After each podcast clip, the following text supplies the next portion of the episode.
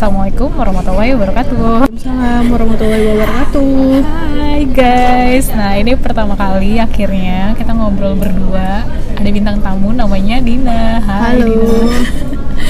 Nah kita tuh sekarang mau ngomongin tentang sesuatu hal yang relate sama hidup kita aja. Sekarang kenalan dulu, coba kenalan ini siapa namanya? Anda siapa namanya? Hai teman-temannya Ayu. yang dengerin kita berdua doang ya. Seolah yang dengerin banyak. Namaku Dina Hopi, biasa dipanggil Dina. Aku eh, kegiatannya berbisnis online, Sama bisnis kita ya. sepatu. Hmm. Mm-mm. Ah, tapi aku bisnisnya sepatu Happy Hopi ID. Eh by the way, ini tuh ma- mohon maaf nih kalau tiba-tiba ada Berisik-berisik ya. berisik karena kita ngerekamnya di luar, cek so, so live gitu di luar. Nah terus eh, bisnisnya udah berapa lama nih Din?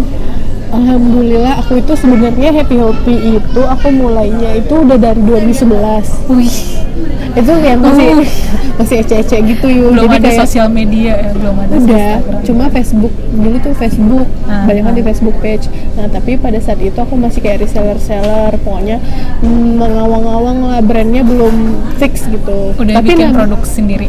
Uh, uh, sepatunya udah udah diproduksi cuma nggak nggak nggak rutin. Masih pokoknya kapan ada aja. Paling yang paling gede dulu itu uh, sebulan 30 pasang itu Wih, udah paling gila gitu sih. Itu harga jualnya udah sama kayak sekarang. nggak beda Oke. tapi waktu itu namanya udah ku, uh, ku kasih nama Happy Hopi Ah, gitu Jadi jadi dari awal bisnis tuh langsung bikin sendiri. Uh, uh. Serius? Gila ya? Oh gila. kaget nggak jadi random sih maksudnya eh, nggak nggak langsung bisnis sepatu tapi sebulan sebelum itu tuh aku mencoba kayak bisnis dulu itu jualan eh, hijab-hijab yang apa namanya gamis-gamis hoodie tau nggak kamu yang Tahu, gamis tahu, yang tahu, tahu. Jadi, oh jadi sebelum uh, bikin Happy Hopi nih, sebelumnya kamu udah pernah bisnis Eh, nih, bisnis bisnisnya itu jualan si dress-dress itu Reseller- reseller brand lain gitu lah ya. reseller. Ah. Tapi online shop aku udah aku namain Happy Hopi. Ah. Jadi Happy Hopi Shop gitu iya, oke, oke. di Facebook. Ah. Nah dari situ eh, kayaknya nggak nggak nyampe sebulan dua bulan gitu lah. Ah. Nah aku eh, sambil googling-googling terus ketemu deh eh, ada yang bisa bikin sepatu dengan brand kita sendiri syaratnya berapa pasang di awal gitu. Jadi makanya aku bikin brand Happy Hopi sepatunya eh, dari 2011 cuma fixnya itu rebranding yang bener-bener bisnis beneran, bisnis beneran. itu 2014 Hmm, Terus nih nih nih kan kalau seandainya kita baru mulai bisnis nih ya kan, kita Hmm. tuh belum dapet nih pembelinya, belum dapet target yang sesuai kita inginin kan, karena belum dikenal. Nah pertama kali jualan tuh apa lakunya berapa Ngal- ngalamin gak sih kayak gitu? Nah, dulu tuh aku ngerasain banget kalau kita awal-awal usaha itu bener-bener excited mau nyoba kan. Iya bener-bener kayak Coba aja gitu. Jadi pas dapet satu tuh kayak senengnya lu iya, tuh dia senengnya luar biasa. Hmm. Nah tuh aku ingat banget kan di Facebook terus aku tiba-tiba aja dapet customer yang dari Kalimantan. Itu tuh karena itu aku packingnya masih di kresek hitam gitu. kayak bungkusan sampah. busan kresek hitam ke kirim bajunya terus eh, nganter sendiri ke Tiki nah, itu itu kayak itu cuma satu padahal beda kan sih Iya. kayak gue juga dulu kayak gitu maksudnya awal-awal jualan tuh kan gue nggak nggak langsung produksi kan. Hmm. jadi kayak ngambil dulu di tanah abang. Oke. Ngambil dulu di tanah abang. Terus dan alhamdulillah tuh sebenarnya tuh langsung jualannya di Instagram sebenarnya nggak jadi nggak nggak itu pertama kali jualan online sih. Hmm. terus yang beli tuh langsung kebetulan waktu itu tuh gue ikut komunitas pengajian gitu. Nah rata-rata Hmm. tuh pembelinya dari situ. Cuma kan itu nggak cuma orang Jakarta kan dan langsung banyak yang beli. Itu kayak ada yang beli dari Padang gitu kayak wah gue punya pembeli orang lain yang gak gue kenal gitu. Kayak terus ada terus pada akhirnya tuh dapet ada juga yang beli dari luar negeri gitu terus kayak gue berusaha packing dengan indah kertas kado ya. keras kado terus ini pernah ngalamin gak sih kalau tiba-tiba ada customer tuh yang pernah ngasih surat cinta gitu surat cinta tuh kayak thanks thanks ya Iya. kak bajunya udah sampai ini tuh seneng banget deh gitu gitu kayak lo merasa terharu Iya. gak sih? Dulu tuh zaman zaman zaman eh, aku bisnis itu awalnya masih pakai BBM kan waktu itu Ah, iya, iya, BBM, bener-bener BBM. BlackBerry Messenger. Nah Ah, bener-bener. dari situ ada tuh yang customer yang bener-bener loyal sampai Ah. sama. dia sampai dia udah punya 9 sepatu bahkan serius? Sumpah, aku masih inget satu satu customer Ah. nah itu mbaknya tapi aku lupa namanya tapi sampai sekarang masih berhubungan gitu nggak Nah itu dia aku lu karena udah beda platform kan, Hmm. jadi kayak kontaknya hilang, BBM kan udah nggak pakai. Hmm. Makanya jadi aku kelupaan. Nah itu tuh minusnya. Kalau dari awal-awal kan nggak ada database. Hmm. Jadi ya Iya, udah HP-nya hilang, HP-nya hilang ya udah. apa yang menurut gini kan banyak nih orang sekarang pas kita udah ya walaupun bisnis kita belum gede-gede banget ya sekarang kan orang tetap ada yang nanya gimana sih cara mulai bisnis kak? Terus kok aku udah ngelakuin segala Iya, cara nggak ada yang beli ya? Aduh jangan sedih beb. Kita juga mengalami hal itu beb Orang karena ngelihatnya cuma dari iya follow- follower followers doang. pertama. Terus ngeliat mereka tuh kayak ngeliat cuman gara-gara ngeliat postingan doang kan stories yang sebenarnya kita bikin ya udah bagus-bagus aja gitu ya, bi- padahal bikin suka- bikin gimana ya misalnya nih kayak nah, eh, kayak dari jumlah follower. Hmm. nah ingat tuh jumlah follower tuh tidak sebanding dengan jumlah orderan. Nah ya, by the way followers Sherina tuh banyak banget di Happy Hobi Bisa ngalahin Itu dia. kertas surat suara Nah, kayak tapi percayalah ada yang eh, follower atau online shop yang mungkin followernya masih di bawah 100 ribu Hmm. bahkan itu lebih penjualannya daripada aku yang udah 220 ribu. Jadi itu Wah, gila, follower gila, tuh gila. tidak sangatlah tidak sebanding benar sama benar benar benar. karena uh, jadi nggak bisa dijadiin nggak bisa jadi parameter. ukur. Tolak ukurnya nggak karena bisa kayak itu. gini nggak sih uh, gue sih sendiri mengalami sih sebagai pembeli juga ya selain Oh. jadi pedagang gue tuh sering banget belanja online di misalnya ini kita scrolling scrolling gitu atau kena target ads gitu ya tuh kalau misalnya kayak gelas ini nih Hmm. itu tuh gue kena target ads nih gelas ini orang-orang nggak bisa lihat yuk ini oh iya iya gelas jadi Ayu punya gelas yang bisa dilipat ya kan Iya gelas lipat kayak stojo gitu, Iya, iya, cuman iya. gelas stojo ini. Terus ya itu gue kena target ads, terus gue klik profilnya, terus kayak ih menarik, terus gue lihat-lihat kayak highlight storiesnya gitu-gitu lah. Terus ya udah langsung beli order, padahal nggak nge-follow, nggak pernah Hmm. nge-like postingan dia, nggak pernah ngapa-ngapain ya langsung beli nah. karena barangnya aja Karena kan? barangnya dan karena dia nggak di lock pertama. oh iya itu dia nggak di lock jadi kayak ya udah gara-gara itu kayak gue aja kayak gitu. Jadi semenjak kayak berpikir kayak gitu ya followers kayak nggak nggak jadi tolak ukur gitu nggak sih? Betul betul. Terus terus eh, dari tadi kan dari jumlah follower. Terus kadang suka lihat tuh misalnya posting eh, pengiriman kayak gitu ah, gitu ini itu dulu dulu banyak Dulu kan sering orang posting posting Iya, iya, pengiriman iya, sebelum sebelumnya ya bener-bener dulu gue juga ngalamin kayak kan gue jualannya baju nih kan bikin nih fotonya di zoom zoom aja ngambil fotonya paling dek- dari deket gitu. Jadi kan kelihatannya banyak. Itu adalah rahasia rahasia. Jadi kayak- cuma gue doang di ini tuh gue juga dapat di dari orang Iya, lain. Bener. Nah, terus terus.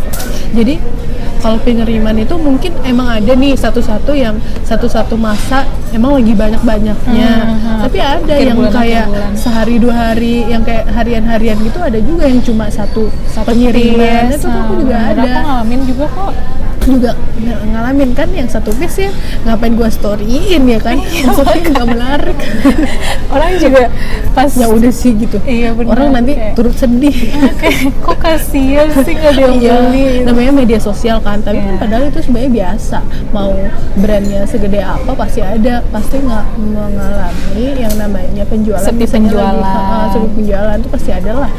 Terus, eh, tapi kan nggak semuanya yang kita kita posting itu ya kayak gitu terus, yang bagus-bagusnya Hmm. terus. Ya kayak kita hidup aja kan kayak kayak personal pribadi, eh, personal sosmed kita kan, kita Hmm. postingnya nggak bagian sedih-sedihnya kan, pasti yang bagus-bagusnya, bagus-bagusnya tuh yang terlihat di media itu. kita kita warnanya kayak semacam orang baik gitu nggak sih nggak mau berbagi kesedihan Iya. Cie.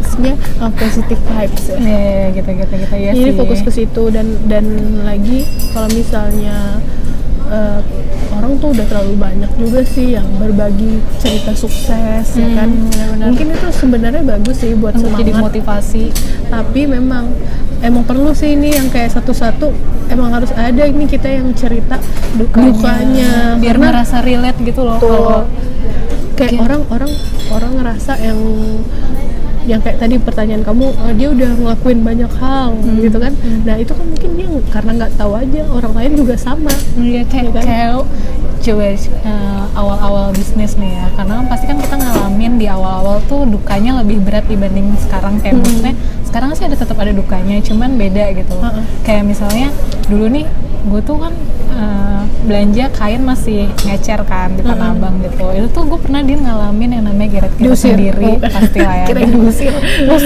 pernah juga ngalamin karena sambil kerja kan baru ke Tanah Abang si sore-sore.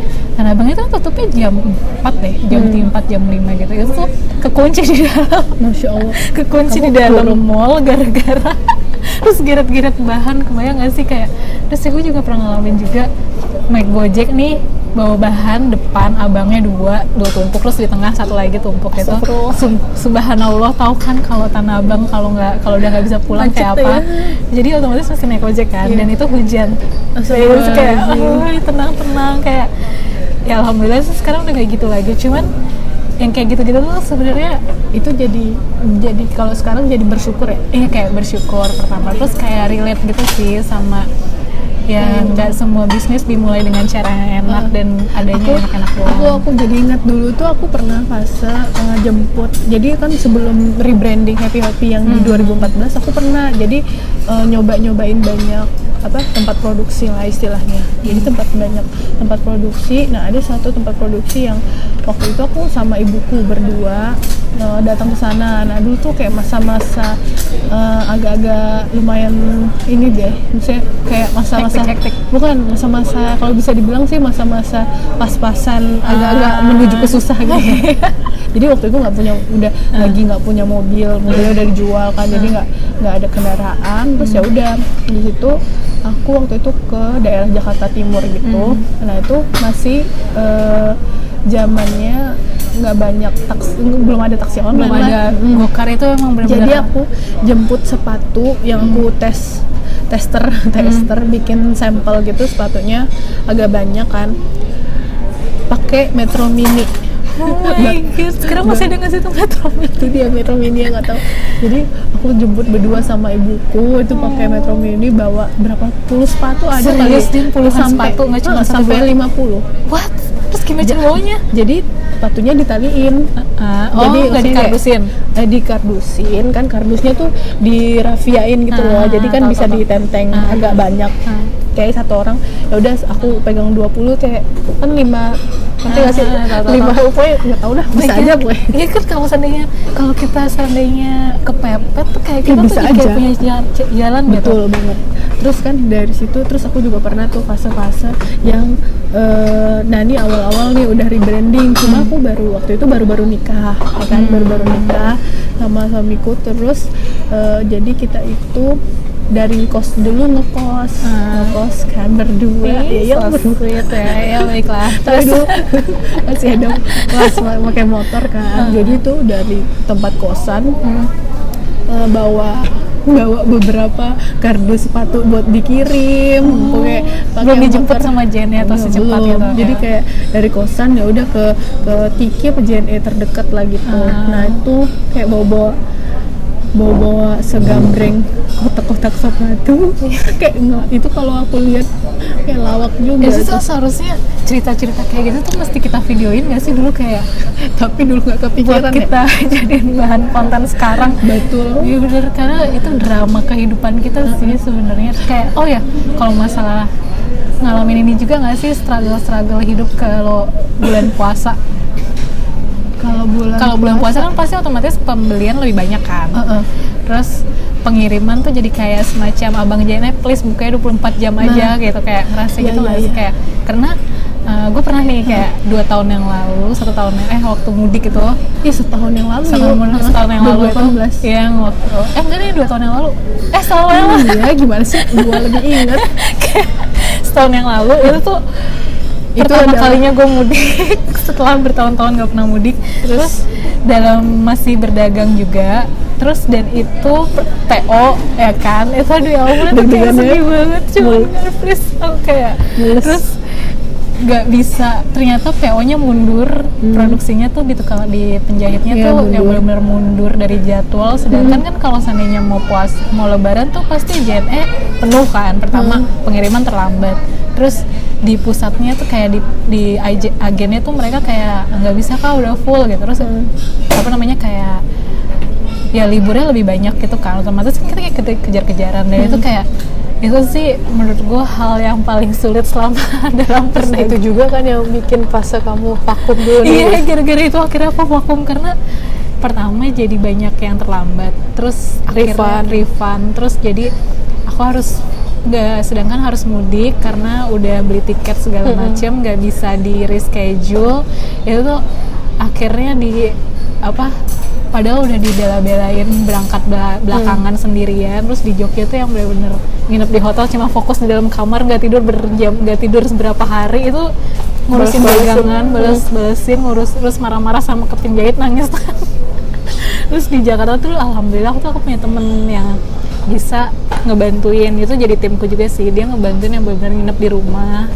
Terus yang benar-benar ngepackingin yang benar-benar kita tuh kontak-kontakan by phone kayak gitu sih kayak itu hal yang terberat buat aku sih. Aku alhamdulillah maksudnya kalau dalam puasa Hmm. nggak ada yang sampai sampai gitu banget. Kemarin sih ada yang memang aku PO terus ada yang telat. Hmm. Ya udah di refund.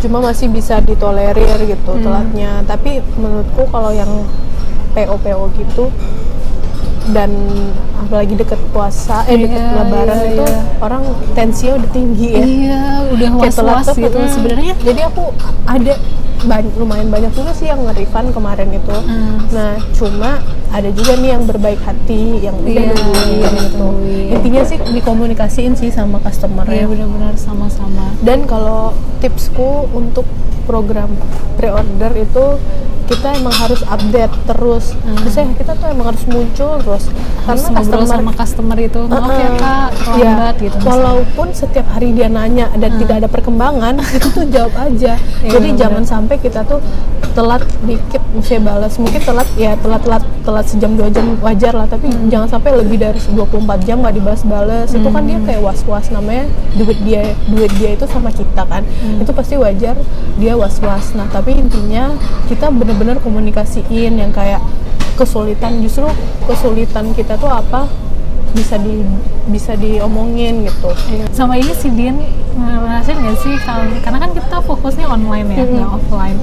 Di zaman yang sangat cepat berubah dan berjalan ini kan kalau jualan online tuh kayak yang tadi kamu cerita aja awalnya Facebook Iya. terus sekarang Facebook tuh kayak masih ada ngasih penghuninya gitu Hmm. terus akhirnya berubah ke Instagram dulu kita pakai BBM sekarang kita pakai WhatsApp pakai website kan Mm-mm. nah ngalamin juga nggak sih kayak duka-dukanya terlalu cepat berubah-berubah iya. Algoritma sosial media atau segala macem cara ber Heeh, jadinya ngerubah marketingnya lagi terus customernya juga beda lagi. Strateginya juga beda gitu kan. Dulu kita nggak punya nggak kenal ads Heeh, sekarang sekarang sekarang kenal ads terus kayak endorse endorse. Dulu tuh Dulu dulu, kita- zaman aku awal-awal tuh aku Hmm, per- sempet loh aku udah mengenal endorse. Ah, jadi endorse waktu itu tipenya ada banyak fashion fashion blogger Ya, ya, jadi ya. masih ke blogger kan blogspot Ya, yang ya, dia ya. punya itu nah pernah aku endorse apa blogger dulu. Terus dari Twitter dia posting kayak gitu. Tapi sempet sih kayak gitu dulu sistemnya. Cuma kalau sekarang Instagram kan udah beda lagi. Tipenya Ya. kayaknya kalau udah terlalu banyak orang yang jadi artis di Instagram. Terus orang itu sekarang tuh lebih kayak karena saking banyaknya jadi orang jadi selektif juga kan. Iya Nggak benar-benar terus kayak ya nggak ngerti sih. Kalau gue sih pribadi dulu dulu awal-awal follow followin orang tuh ngaruh banget pertama. Sekarang kayaknya nggak tahu nggak ngaruh juga sih. Terus nggak pernah juga sih ngelakuin. Terus dulu tuh pun aku juga jadi jadi sponsor apa filmmaker muslim itu. Heeh. terus sempet bikin filmnya juga kan. Terus kayak Itu ngaruh. itu ngaruh banget sih. Hmm. ya sekarang belum tentu ngaruh ngaruh, gitu iya kayak nggak ngaruh dulu tuh dipromoin juga sama selebgram. Itu tuh Hmm. ngaruh banget. Sekarang tuh kayak ya pernah pakai selebgram ya Kita keuntungannya butuh- mendapatkan konten yang menarik doang. kita cuma butuh kontennya aja istilahnya Iya, ya. dulu tuh nggak berharap kalau seandainya sekali nge-seleb nge-endorse nih kita tuh langsung tinggal ngejagain handphone Iya, betul, langsung betul. followers banyak orderan langsung drrrr, langsung sold. Sekarang kayak sih udahlah. Sekarang masya Allah subhanallah banyak banyakin istighfar ya. Betul. Terus kalau sekarang itu kayaknya eh, dari media sosial itu karena banyak apa ya banyak pilihan. Iya banyak jadi orang kompetitor. iya, jadi orang ya udah ngebandingin. Iya banyak yang jual online juga. Terus banyak kalau ini sih aku ngalaminnya sebagai penjual baju sih karena kan aku gamis gitu kan. Ketika banyak ya. iya nah sedangkan aku tuh anaknya cukup idealis gitu. Iya, betul. cukup idealis menjaga kualitas dan kenyamanan gitu. Dari Dan bahan iya dari desainnya gitu dari beli bahannya juga dari penjahitnya cuttingnya segala macam rada rewel gitu. Nah aku tuh udah berusaha untuk beli bahan yang bagus dari yang cukup lebih mahal. Misalnya wally crepe grade-nya yang A gitu. Penjahit pakainya bukan penjahit konveksi yang murahan gitu kan. Cuman otomatis kan aku nggak bisa masang harga murah kan. Terus sedangkan ada online shop lain dia naruh harga yang sebenarnya jauh lebih murah dan kayak cuma beda tipis sama harga modalku terus dia ngejelasin deskripsinya dengan bahan yang sama Iya. dengan yang yang kita nggak tahu cuttingnya kayak apa terus kualitas jahitannya bakal awet berapa tahun gitu. Terus itu sih salah satu iya. duka yang kurasain juga sih sebagai pedagang baju online. Karena customer nggak bisa megang ba- bahan. Terus kalau apa namanya kalau yang media sosial itu juga dukanya em, kayak nge- PR-nya nge- mengedukasi customer kan yang kayak kamu tadi tuh berarti bahannya Mengedukasi, sama iya. tapi customer Bedanya tuh apa Heeh, sih, gambarnya gitu. kan sama-sama tapi kok ini lebih murah. Nah orang kan orang kan pasti yang pertama juga lihatnya harga. Ada mungkin customer banyak sih customer yang lihatnya kualitas bahkan jadi cu- jadi bisa curiga juga kok dia lebih murah jadinya pasti kualitasnya sesuatu deh. Tapi kan mostly orang lihat harga lah Iya, gitu. iya, iya. nah itu sih. Ngasih tahu ini eh, apalagi kalau di aku tuh sepatu, sepatu kan hmm. kayak orang tuh belum tahu ini nyaman apa enggak. Iya, bener, kayak nah beli sepatu mesti langsung ya itu kan. dia harganya itu salah satu harga eh, harganya kan ditentukan dari kenyamanannya. Hmm, beda sepatu yang se- misalnya sepatu aku sama brand yang lain gitu kan sebenarnya kalau dirasain beda. Beda Nah, tapi gimana caranya? sepatu. Nah, jadi gimana caranya mengasih tahu itu jadi Nah, itu. Nah, itu PR-nya adalah PR-nya eh, jalan online. dari testimoni sih Hmm, customer yang udah bener-bener. pakai customer udah pakai testimoninya terus kayak kita mancing-mancing share gitu Heeh. Eh, yang udah ya mancing-mancing lah di Instagram Iya. gimana sih ntar kita tinggal posting-posting itu sih yang bikin membantu kayak gitu ngasih taunya dukanya ya ya gitu ya Bahagia. dukanya. Ya udah gitu sih bahasannya untuk dukanya apa yang jadi kita rasain. kesimpulannya dukanya. Kesimpulannya eh, semua se- nggak cuman bisnis sebenarnya semua pekerjaan semua aspek kehidupan. Pasti ada pasti ada sisi dukanya dukanya pasti cuma kita nggak tahu ya. Ya nikmatin aja ya nggak sih? Anggap aja semua duka itu adalah proses Iya. menuju menuju mimpi dan goals yang sedang kita damba-dambakan. Terus- Wah, mantap. Terus satu lagi nih yang ini seni bersyukur. Kayak dulu kan di Ah. awal-awal kita kayak ngarepin satu dua. Satu dua Pembeli- kan pembeli. aja pembeli udah- aja udah kayak maksudnya kayak udah seneng banget gitu. Nah sekarang udah beratus-ratus misalnya, terus uh, Allah turunin aja agak jadi 100 gitu. Misalnya biasanya 50 sekarang, sebu- uh, sebulan misalnya. sebu- 50 terus Allah Terus turunin tiba-tiba jadi 30 30 itu aja kita udah sedih kan. Ah, padahal, padahal- dulu kita pernah satu dua kita bahagia. Banget, nah gitu. itu mengembalikan rasa syukur rasa yang syukur konsep Iya, rezeki wah mah mengembalikan Gimana, rasa syukur Haji? seperti awal gitu. Jadi emang seni bersyukur aja. banyak-banyak memahami konsep rezeki terus ya banyak jadikan ini adalah salah satu ikhtiar kita menjemput nggak menjemput juga sih ya ya mendapatkan, rezeki yang berkah. Karena rezeki itu semua sudah diatur oleh Allah sudah ditentukan di takdir kode dan kadar. Benar nggak tinggal iya benar. Jadi tinggal ki- kita ikhtiar kita itu dapat pahala apa enggak gitu. Iya, dengan cara yang baik atau enggak gitu. Mm-mm. nikmatin aja lah ya intinya. Yep. prosesnya. Tuh dan gitulah ya. So terima kasih Dina. Kita Ya. akhiri di sini. Kita akhiri di Semoga sini. menarik untuk didengerin. Amin. Semoga ada manfaatnya. Manfaatnya. Jadi lagi gitu ya. Assalamualaikum warahmatullahi wabarakatuh. Waalaikumsalam warahmatullahi wabarakatuh